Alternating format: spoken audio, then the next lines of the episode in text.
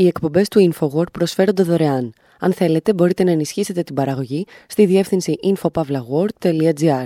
Η διεύθυνση infopavlagor.gr. Η εκπομπή InfoWord με τον Άρη Χατζηστεφάνου.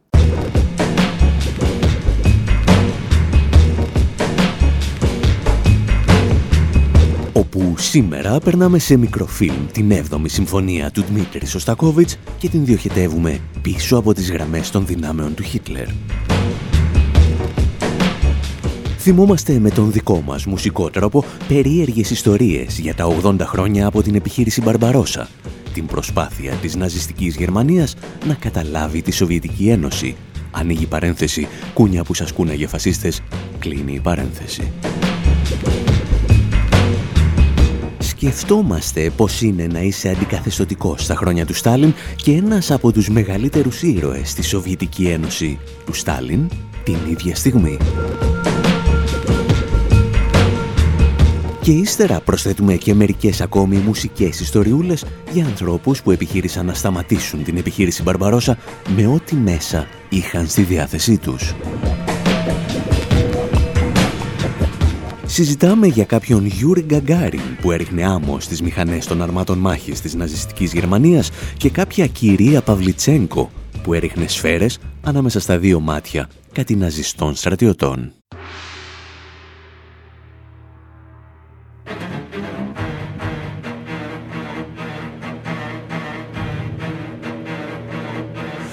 Verbrenn mein Studio, schnupfe die Asche wie Koks. Ich erschlag meinen Goldfisch, vergrab ihn im Hof. Ich jag meine Bude hoch, alles was ich hab, lass ich los. Uh, mein altes Leben schmeckt wie ein labbriger Toast. Brat mir ein Prachtsteak, Peter kocht jetzt feinstes Fleisch. Bin das Update, Peter Fox 1.1. Ich will abshaken, feiern, doch mein Teich ist zu klein. Wir wechseln neue Reihe, Beißer wie bei einem weißen Hai. Gewachsen gedopt, poliert, nagelneue Zähne. Ich bin euphorisiert und habe teure Pläne. Ich kaufe mir Baumaschinen, Bagger und Walzen und Kräne. Stürze mich auf Berlin und drück auf die Sirene. Ich baue schöne Boxentürme, besser massieren eure Seele. Ich bin die Abrissbirne für die deutsche Szene. Hey! Alles glänzt, so schön neu. Gefällt. Mach neu. Die Welt mit Staub bedeckt, doch ich will sehen, wo es hingeht. Steig auf den Berg aus Dreck, weil oben frischer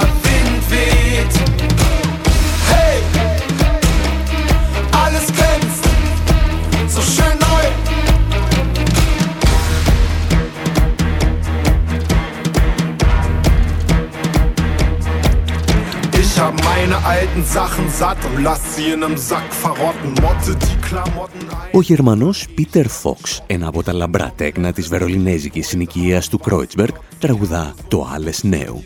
Όλα καινούρια. Και χωρίς ο ίδιος να έχει καμία κακή πρόθεση, προκάλεσε στο μυαλό μας κάτι παρανοϊκούς συνειρμούς.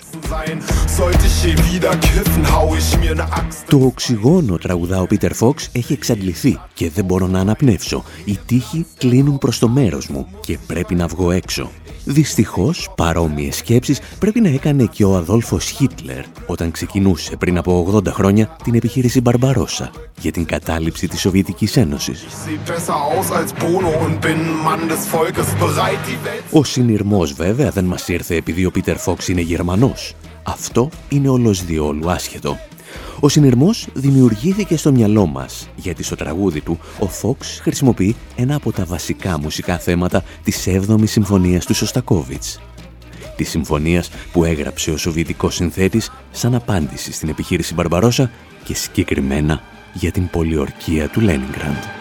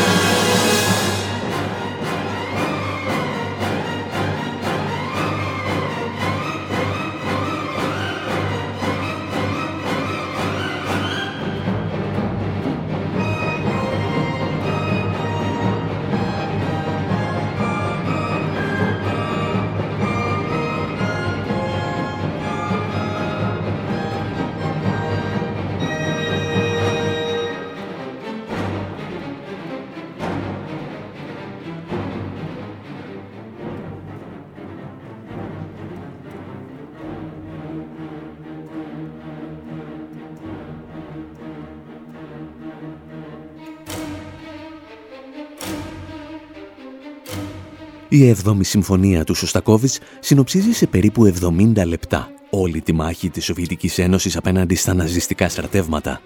Κυρίως όμως περιγράφει την πολιορκία του Λένιγκραντ και την ηρωική αντίσταση του κόκκινου στρατού και των κατοίκων της πόλης.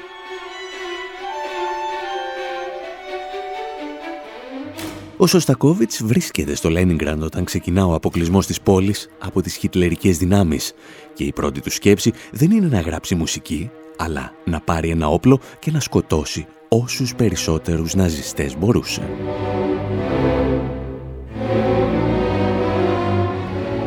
Δυστυχώς γι' αυτόν η Επιτροπή Αξιολόγησης Στρατευσίμων τον έκρινε ακατάλληλο και έτσι αποφάσισε να καταταγεί εθελοντικά στην πυροσβεστική. Κάποιοι όμως, και ενδεχομένως και ο ίδιος, άρχισαν να σκέφτονται ότι είχε στα χέρια του ένα πολύ πιο ισχυρό όπλο, τη μουσική του. Μια πρόγευση των όσων συνέβαιναν εκείνες τις ημέρες του 1941 στο Λένιγκραν, αλλά και στο μυαλό αρκετών αξιωματούχων στη Μόσχα, μας έδιναν παλαιότερα οι δημιουργοί του mini ντοκιμαντέρ The Power of Music, της ομάδας Musica Universalis. When National Socialist Germany began Operation Barbarossa and the siege of Leningrad commenced in September of 1941, Όταν η εθνοσοσιαλιστική Γερμανία ξεκίνησε την επιχείρηση Μπαρμπαρόσα και άρχισε η πολιορκία του Λένιγκρα το Σεπτέμβριο του 1941, ο Σωστάκοβιτ παρέμεινε εντός των ορίων της πόλης. Έζησε από πρώτο χέρι την αρχή της καταστροφής και του θανάτου. Στη διάρκεια του ενός μήνα που ο Σωστάκοβιτ παρέμεινε στο Λένιγκραντ, συνέθεσε τη δεύτερη και τρίτη κίνηση μιας μεγαλειώδους συμφωνίας. Ήθελε αρχικά να εγκαταλείψει το Λένιγκραντ, αλλά καθυστέρησε πολύ και όταν αποφάσισε να φύγει, οι Γερμανοί είχαν ήδη κόψει όλες τις δρομικέ συνδέσεις της πόλης με τον εξωκόσμο παρέμεινε εκεί λίγο παραπάνω από ένα μήνα μεταξύ του Σεπτεμβρίου και του Οκτωβρίου του 1941 μέχρι που ο ίδιος και η οικογένειά του απομακρύνθηκαν από αέρος. Η αξία του για τη σοβιετική προπαγάνδα ήταν προφανώς μεγαλύτερη από την αξία του ως εθελοντής πυροσβέστης. Θα τελείωνε αργότερα τη συμφωνία το Δεκέμβριο του 1941. He would later finish the symphony in December of 1941. Η 7η Συμφωνία έχει πλέον το δικό της όνομα. Λέγεται η Συμφωνία του Λένιγκραντ και ο Σωστακόβιτς θέλει να την στείλει σε ολόκληρο τον κόσμο ως ένα μήνυμα αντίστασης απέναντι στην επέλαση των δυνάμεων του άξονα. Κάτι τέτοιο όμως το 1942 απαιτούσε μια γιγαντιαία κινηματογραφικού τύπου επιχείρηση. The premiere of the piece occurred in March of 1942 in Samara.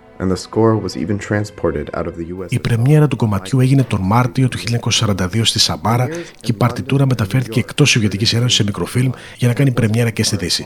Πρεμιέρε στο Λονδίνο και τη Νέα Υόρκη πραγματοποιήθηκαν τον Ιούνιο και τον Ιούλιο. Premieres in London and New York occurred in June and July. Οι συντελεστές του ντοκιμαντέρ τα λένε καλά, αλλά τα κάνουν όλα να ακούγονται τόσο εύκολα. Στην πραγματικότητα το μικροφίλμ τοποθετήθηκε σε ένα ειδικό μεταλλικό δοχείο και μεταφέρθηκε με αεροπλάνο υπό συνθήκες απόλυτης μυστικότητας στην Τεχεράνη. Από εκεί ένα αυτοκίνητο το μετέφερε στο Κάιρο της Αιγύπτου, όπου μπήκε σε ένα ακόμη αεροπλάνο. Πέταξε πάνω από τον Ατλαντικό ωκεανό και έφτασε στις Ηνωμένες Πολιτείες. Το ελεύθερο πολιορκημένο Λένιγκραντ έστελνε πλέον το μήνυμά του σε όλο τον κόσμο και ορισμένοι από τους μεγαλύτερους διευθυντές ορχήστρας κονταροχτυπιόντουσαν για το ποιος θα παρουσιάσει την πρώτη εκτέλεση της 7ης Συμφωνίας έξω από τη Σοβιετική Ένωση. Ο κλήρος έπεσε τελικά στον θρηλυκό Αρτούρο Τοσκανίνη και περίπου 20 εκατομμύρια Κροατές είχαν την ευκαιρία να ακούσουν από το ραδιόφωνο τους την πρώτη εκτέλεση στις Ηνωμένες Πολιτείες. Εμείς ακούμε λίγο από το τρίτο μέρος, το Αντάτζιο, γιατί πρέπει γρήγορα να επιστρέψουμε στο πολιορκημένο Λένιγκραντ.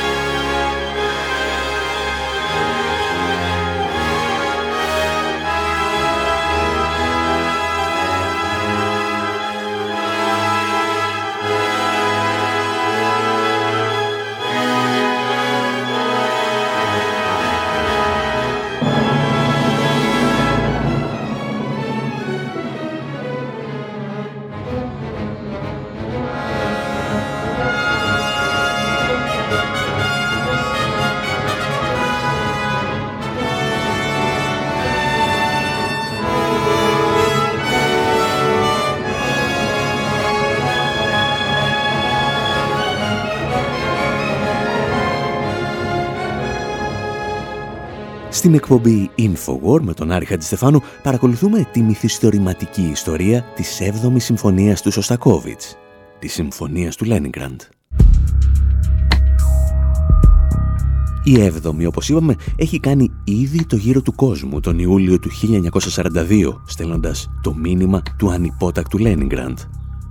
Ακόμη όμως δεν έχει παιχθεί στη γενέτειρά της. Ο Σωστακόβιτς έγραφε τη συμφωνία βλέποντας φίλους και συντρόφους του να πεθαίνουν καθημερινά από τις κακουχίες και την πείνα. Και ανάμεσα σε αυτούς, τους γνωστούς και τους φίλους, βρίσκονταν και η μισή ορχήστρα του Λένιγκραντ. Μας τα εξηγούσαν οι δημιουργοί του ντοκιμαντέρ The Power of Music. At this point, the city was still besieged, and many had died of starvation and sickness, including members of the Leningrad Radio Orchestra who would premiere the work. Η πόλη ήταν ακόμη υποπολιορκία και πολλοί είχαν πεθάνει από ασυτεία και ασθένειες συμπεριλαμβανομένων μελών της ραδιοφωνικής ορχήστρα του Λένιγκραντ που επρόκειτο να παίξει το κομμάτι. Πολλά από τα μέλη της ορχήστρας ήταν ισχνά λόγω της περιορισμένης διανομής τροφίμων στην πόλη. Τα κοπιά των νεκρών παρέμειναν εκεί που πέθαναν. Δεν γίνονταν κηδείες και η κατάστασης μέσα στα όρια της πόλης ήταν πραγματικά φρικόδη. Παρ' όλα αυτά, σε όλη την πόλη αναρτήθηκαν αφήσεις που ζητούσαν από όλους τους μουσικούς που παρέμειναν στο Λένιγκραντ να συμμετέχουν στην πρεμιέρα του κομματιού. Κατά τη διάρκεια των προβών, η μουσική συχνά ήταν τόσο αδύναμη λόγω της ασυτείας που κατέρεαν, ειδικά η μουσική των χάλκινων πνευστών. Πολλοί από τους μουσικούς βρίσκονταν κοντά στο θάνατο. Many of the musicians were said to be near death.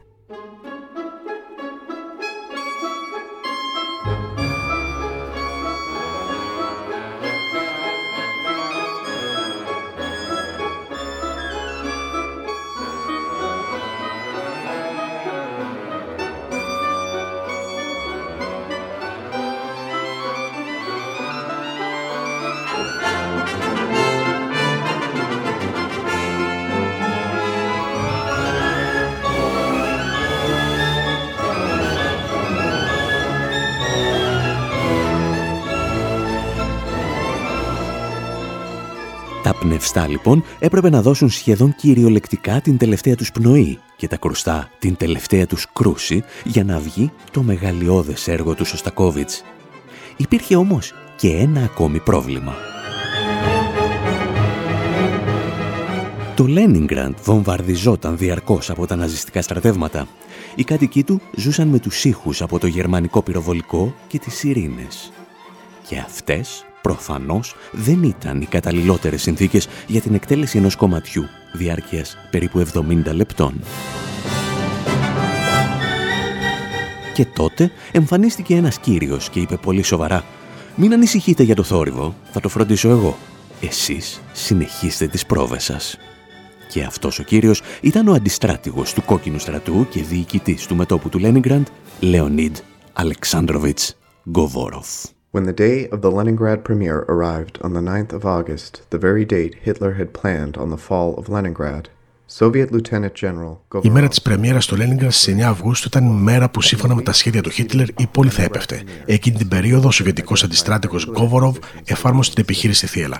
Τις εβδομάδες πριν από την πρεμιέρα στο Λένιγκραντ, οι Σοβιετικοί είχαν αναγνωρίσει τις θέσεις του πυροβολικού που περικύκλωναν την πόλη. Και τότε, σε μία από τις πιο περίεργες στιγμές της στρατιωτικής ιστορίας, μια επιχείρηση πραγματοποιήθηκε για χάρη της τέχνης.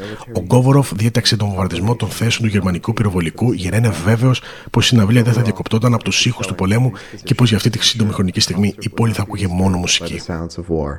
And for that short moment, the city would only hear music. Ο Γκοβόροφ είχε στείλει ένα πολύ απλό και σαφές μήνυμα στον Χίτλερ. Όταν οι κάτοικοι του Λένιγκραντ αποφασίζουν να ακούσουν τη συμφωνία που έγραψε για αυτούς ο σύντροφος ο Στακόβιτς, θα σέβεστε. Και αν δεν μας σέβεστε, θα μας φοβάστε. In an act of tremendous defiance, loudspeakers of the radio broadcast were turned toward the German lines. The concert Σε μια πράξη τρομερής αντίστασης, έστρεψαν τα ηχεία με τη ραδιοφωνική μετάδοση προς την πλευρά των γερμανικών γραμμών.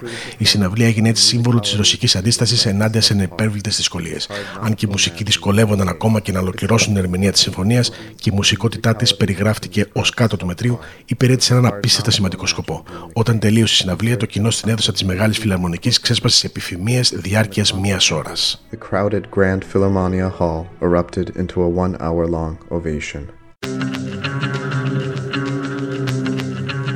Ο Σωστακόβιτς λοιπόν έγραψε μια συμφωνία για το Λένιγκραντ η οποία αφού έκανε το γύρο του κόσμου με κατασκοπευτικά αεροπλάνα και βαπόρια παίχθηκε και μέσα στην ελεύθερη πολιορκημένη πόλη αφού πρώτα ο κόκκινος στρατός διέλυσε το πυροβολικό των ναζιστικών στρατευμάτων για να κάνουν ησυχία.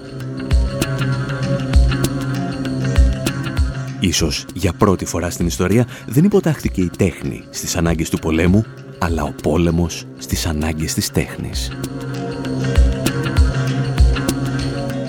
Στο σημείο αυτό βέβαια, ορισμένοι ίσως να αναρωτηθούν «Καλά, και αυτή η έβδομη συμφωνία είναι καλή». Η απάντηση που δίνουν σήμερα αρκετοί μουσικοκριτικοί είναι Εμείς πάλι, που μουσικοκριτικούς μπορεί να μην μας λες, έχουμε διαφορετική άποψη. Κυρίως όμως έχουμε μερικές ακόμη πολιτικές ιστορίες να διηγηθούμε για αυτήν στο δεύτερο μέρος της εκπομπής. Αφορμή για τις σημερινές μας σκέψεις η συμπλήρωση 80 χρόνων από την έναρξη της επιχείρησης Μπαρμπαρόσα με την οποία ο Χίτλερ είχε το θράσος να πιστεύει ότι θα καταλάμβανε τη Σοβιετική Ένωση. Προς το παρόν λοιπόν μένετε εδώ, εκτός αν θέλετε για λίγα μόνο λεπτά να πεταχτείτε μέχρι τη σελίδα μας info.pavlawar.gr να δείτε τι καλά ανεβάσαμε και αυτή την εβδομάδα.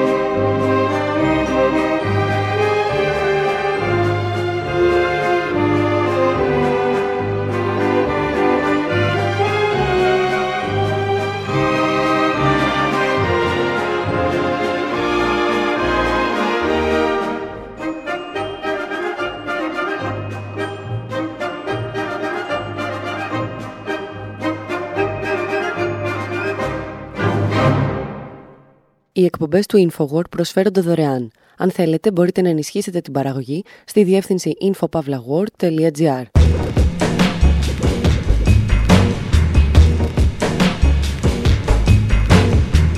εκπομπή Infowar, μέρος δεύτερο όπου με αφορμή τα 80 χρόνια από την έναρξη της επιχείρησης Μπαρμπαρόσα ξαναβλέπουμε την ιστορία από την πλευρά της Σοβιετικής Ένωσης. Παρακολουθήσαμε τη θρηλυκή πορεία της 7ης Συμφωνίας του Σωστακόβιτς, η οποία γεννήθηκε στο Λένιγκραντ και επέστρεψε σε αυτό σαν το απόλυτο όπλο απέναντι στα ναζιστικά στρατεύματα.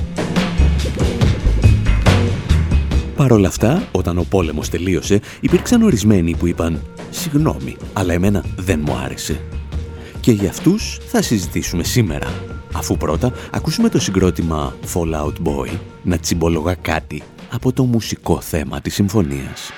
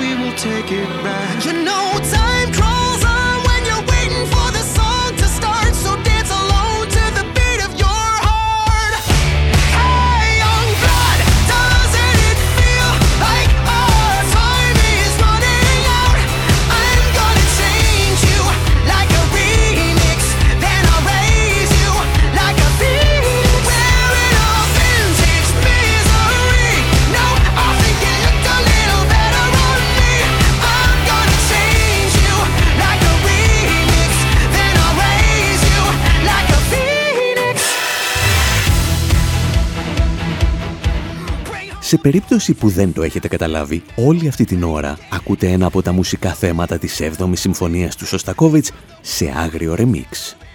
Και την ευθύνη γι' αυτό έχει το συγκρότημα Fallout Boy από το Illinois των Ηνωμένων Πολιτειών.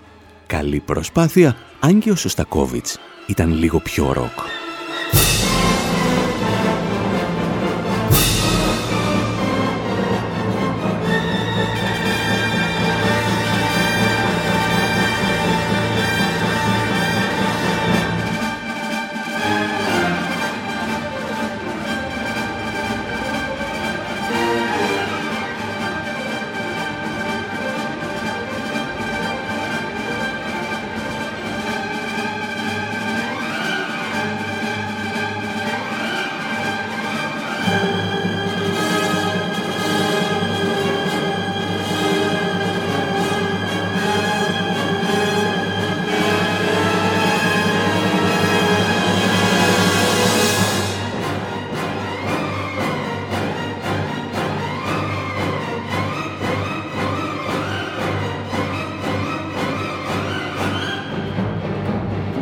Ενώ τα περισσότερα σύγχρονα συγκροτήματα εμπνέονται από το τέταρτο μέρος της 7ης Συμφωνίας, δηλαδή το Allegro non troppo, οι μεγαλύτερες αντιπαραθέσεις αφορούσαν πάντα το πρώτο μέρος, το Allegretto.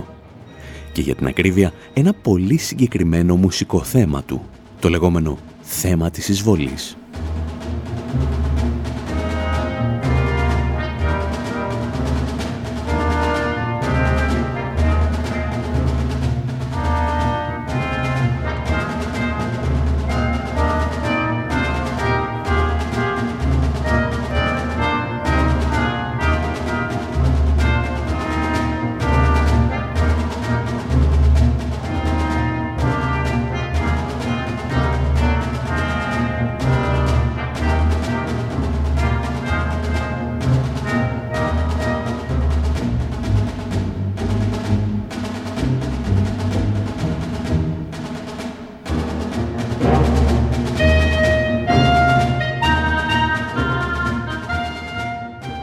Μουσικό θέμα που ακούτε επαναλαμβάνεται 12 φορές. Ο Σωστακόβιτς ακολουθεί τη μέθοδο κλιμάκωσης που έχουμε γνωρίσει και στον Πολερό του Ραβέλ και προσθέτει μικρές πινελιές από προηγούμενα έργα του. Παρ' όλα αυτά, όταν ο πόλεμος τελείωσε και η συμφωνία κατέβηκε από το βάθρο της, αρκετοί μουσικοκριτικοί δήλωναν ότι το βρίσκουν βαρετό και ίσως απλουστευτικό. Ορισμένοι κακεντρεχείς μάλιστα υποστηρίζουν ότι ο συνθέτης Μπέλα Μπάρτοκ κορόιδευε το συγκεκριμένο θέμα στο έργο του «Κονσέρτο για ορχήστρα». Και η αλήθεια είναι ότι αν το ακούσετε φαίνεται να πέφτει χοντρό δούλεμα.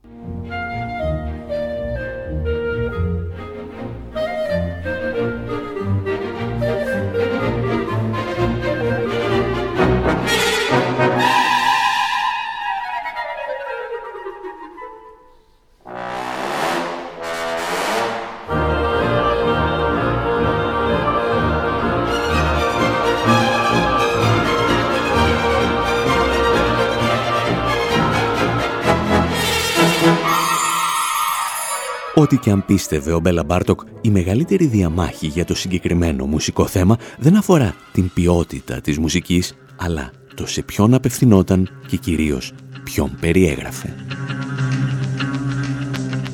Η σοβιετική προπαγάνδα ανέφερε ότι ο Σωστακόβιτς περιέγραφε την σταδιακή προέλαση των ναζιστικών στρατευμάτων, η οποία κορυφωνόταν καθώς προσέγγιζαν το Λένιγκραντ.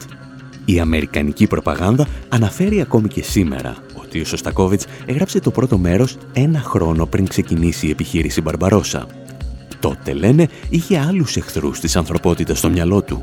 Και φυσικά υπονοούν τον Στάλιν. Η αλήθεια είναι ότι ο Σωστακόβιτς είχε πολλούς λόγους για να έχει στο μυαλό του τον Στάλιν. Από το 1936 είχε περάσει σε καθεστώς δυσμένειας όταν ο Στάλιν αποχώρησε σκυθροπός από μια συναυλία του και η Πράβδα άρχισε να καταδικάζει τα έργα του.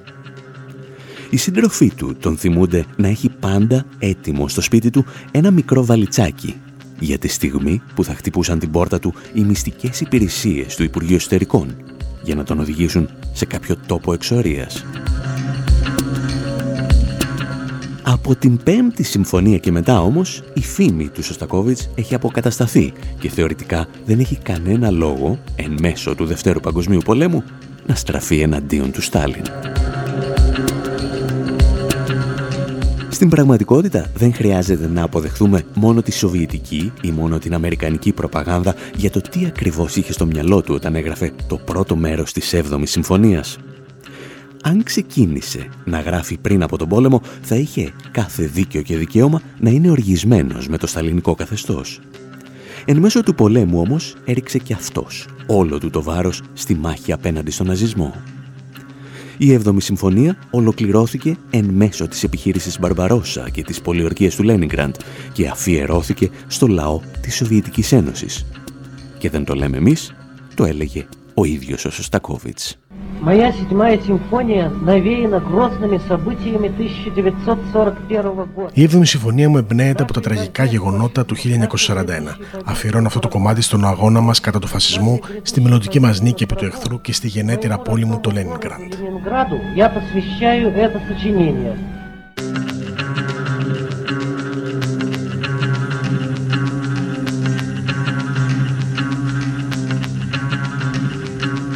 Ο Σοστακόβιτς λοιπόν έστρεψε μια ολόκληρη συμφωνική ορχήστρα απέναντι στις ερπίστριες της ναζιστικής επιχείρησης Μπαρμπαρόσα.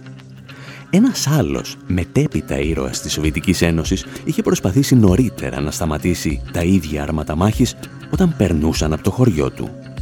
Τον έλεγαν Γιούρι Γκαγκάριν και αν θυμάστε είχαμε διηγηθεί πριν από μερικούς μήνες την ιστορία του στο Δεύτερο Παγκόσμιο Πόλεμο με τη βοήθεια του συγκροτήματος Μπάντα Μπασότη.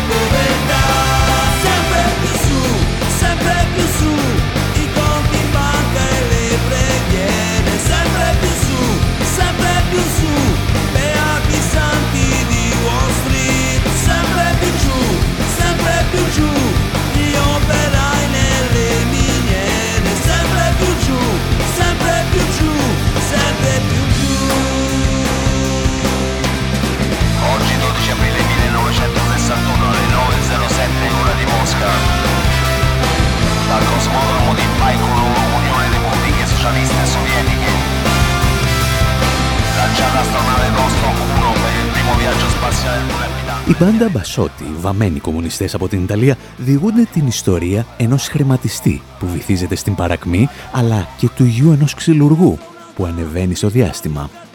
Είναι, λέει, ο Γιούρι Γκαγκάριν, ο γιος ενός κόκκινου Οκτώβρη. Αυτός ο γιος του ξυλουργού γεννήθηκε το 1934 σε ένα χωριό που λέγεται Κλουσίνο, περίπου τρεις ώρες δυτικά της Μόσχας. Ήταν ένα χωριό ελαφρώς καταραμένο, γιατί βρισκόταν πάνω στην διαδρομή που ακολουθούν όλοι οι ευρωπαϊκοί στρατοί, που πιστεύουν ότι μπορούν να καταλάβουν τη Μόσχα. Του Γιούρι του έλαχε αυτός ο στρατός να είναι η ναζιστική Βέρμαχτ, η οποία κατέλαβε το χωριό του τον Οκτώβριο του 1941.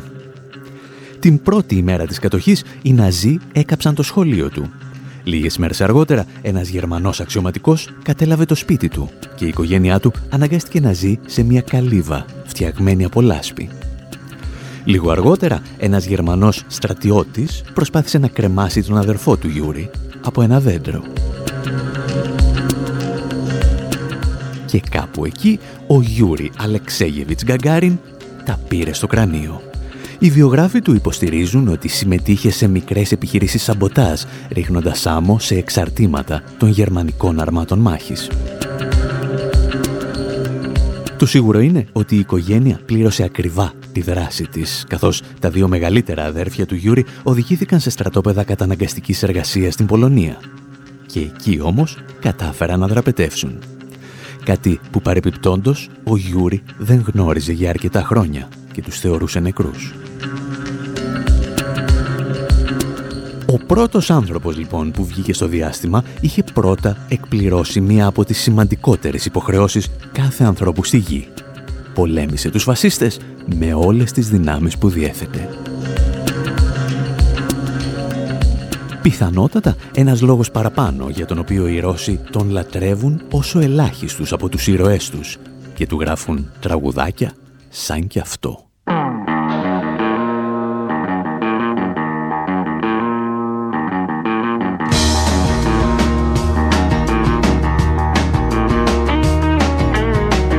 вернулся простой такой И белозубый незнакомый Пригладил волосы рукой Пока еще не сведен оскомой Добрый-добрый рот его Нежной-нежной щетиной рыжий касался.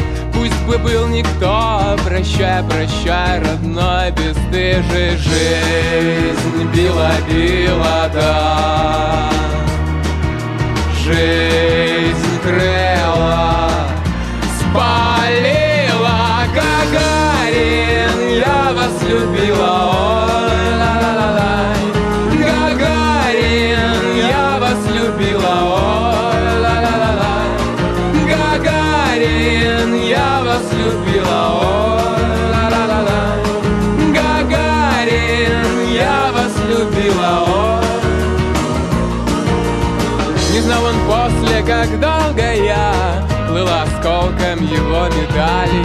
в спину била его струя.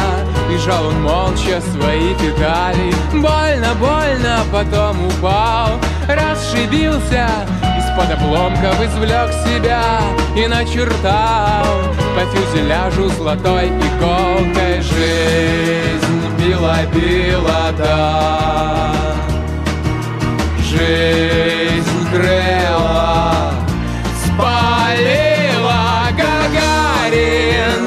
вас любила, ой, ла-ла-ла-ла Гагарин, я вас любила, ой, ла-ла-ла-ла Στην εκπομπή Infowar με τον Άρη Χατζηστεφάνου ακούμε μικρές ιστορίες για μεγάλους ανθρώπους που επιχείρησαν να ανακόψουν την προέλαση των ναζιστικών στρατευμάτων στην επιχείρηση Μπαρμπαρόσα. Την προσπάθεια δηλαδή κατάληψης της Σοβιετικής Ένωσης από την ναζιστική Γερμανία, η οποία ξεκίνησε πριν από 80 χρόνια. Και αφού είδαμε τον Σωστακόβιτς να χρησιμοποιεί νότες και τον Γκαγκάρι να προτιμά την άμμο, λέμε να κλείσουμε με μια κυρία που ήταν ελαφρώς πιο πρακτική και χρησιμοποιούσε σφαίρες. Στην εισαγωγή, ο Γκούντι Γκάθρι. They'll buy your gun. They'll buy your gun. Three hundred Nazis fell by your gun, fell by your gun, oh, fell by your gun. More than three hundred Nazis fell by your gun.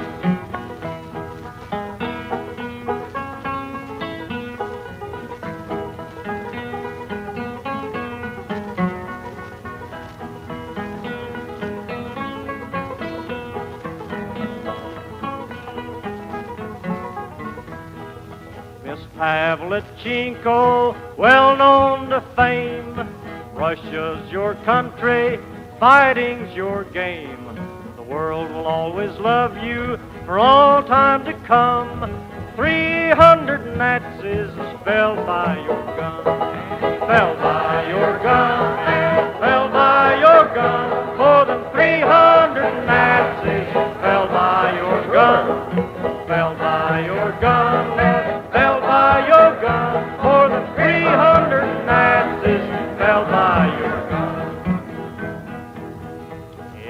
mountains and canyons, quiet as a deer. Down in the forest, knowing no fear. Lift up your sight, down comes a Hun. 300 Nazis fell by your gun. Fell by your gun. Fell by your gun.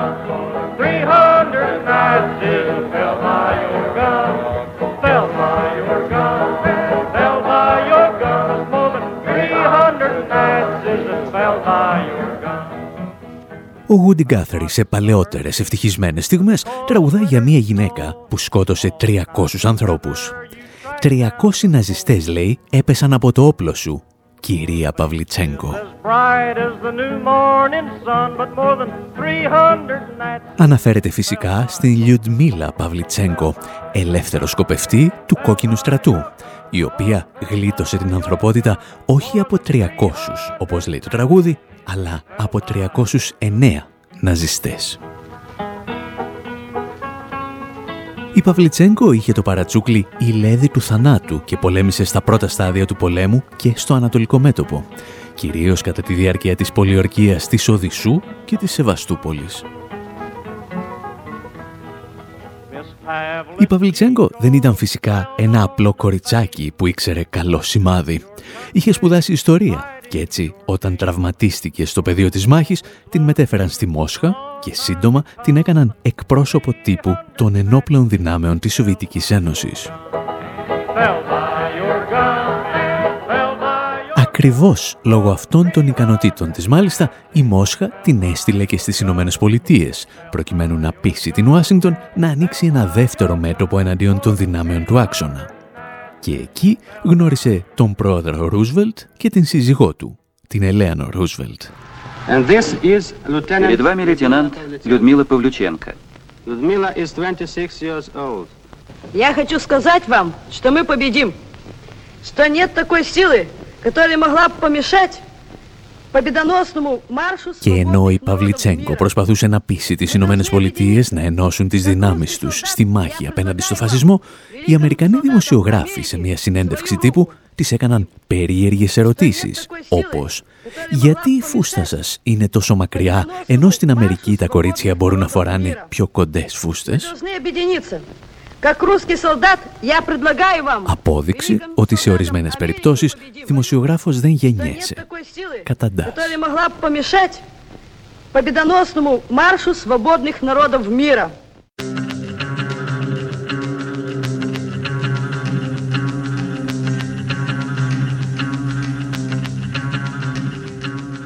Εμείς πάλι κάπου εδώ λέμε να σας αφήσουμε και για αυτή την εβδομάδα. Να θυμάστε πως όλες μας οι εκπομπές βρίσκονται στη σελίδα μας info.pavlawar.gr και αν σας αρέσουν αυτά που ακούτε και αυτά που διαβάζετε από εκεί, μπορείτε να ενισχύσετε μια προσπάθεια ανεξάρτητης δημοσιογραφίας μέσα από το site μας. Μέχρι πάντως την επόμενη εβδομάδα, από τον Άρη Χατζηστεφάνου στο μικρόφωνο, τον Ανδρέα Κοσιάρη στις μεταφράσεις και τον Δημήτρη Σταθόπουλο στην τεχνική επιμέλεια, γεια σας και χαρά σας.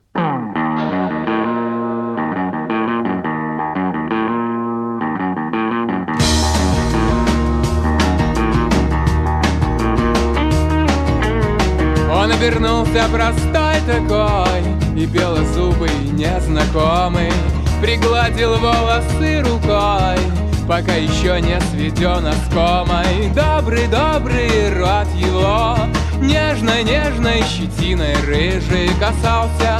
Пусть бы был никто Прощай, прощай, родной бесстыжий Жизнь била-била, да. Жизнь крыла Спалила Гагарин Я вас любила, ой,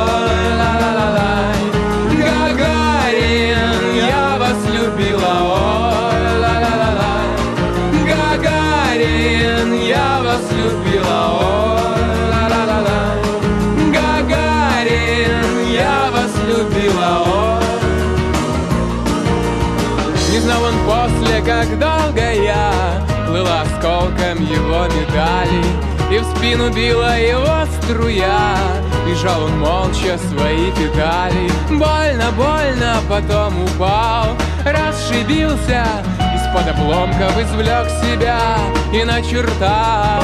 По фюзеляжу золотой иголкой Жизнь била-била, да. Жизнь крыла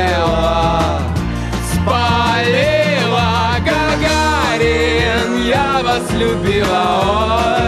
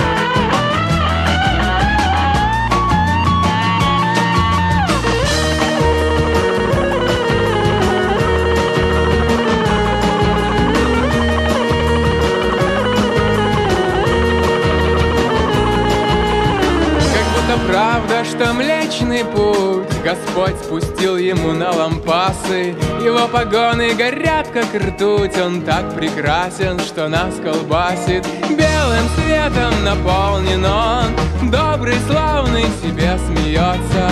Душа его как полигон Ему светло. И ей поется Жизнь била-била, да. Жизнь крыла болела Гагарин, я вас любила, ой, ла ла ла ла Гагарин, я вас любила, ой, ла ла ла ла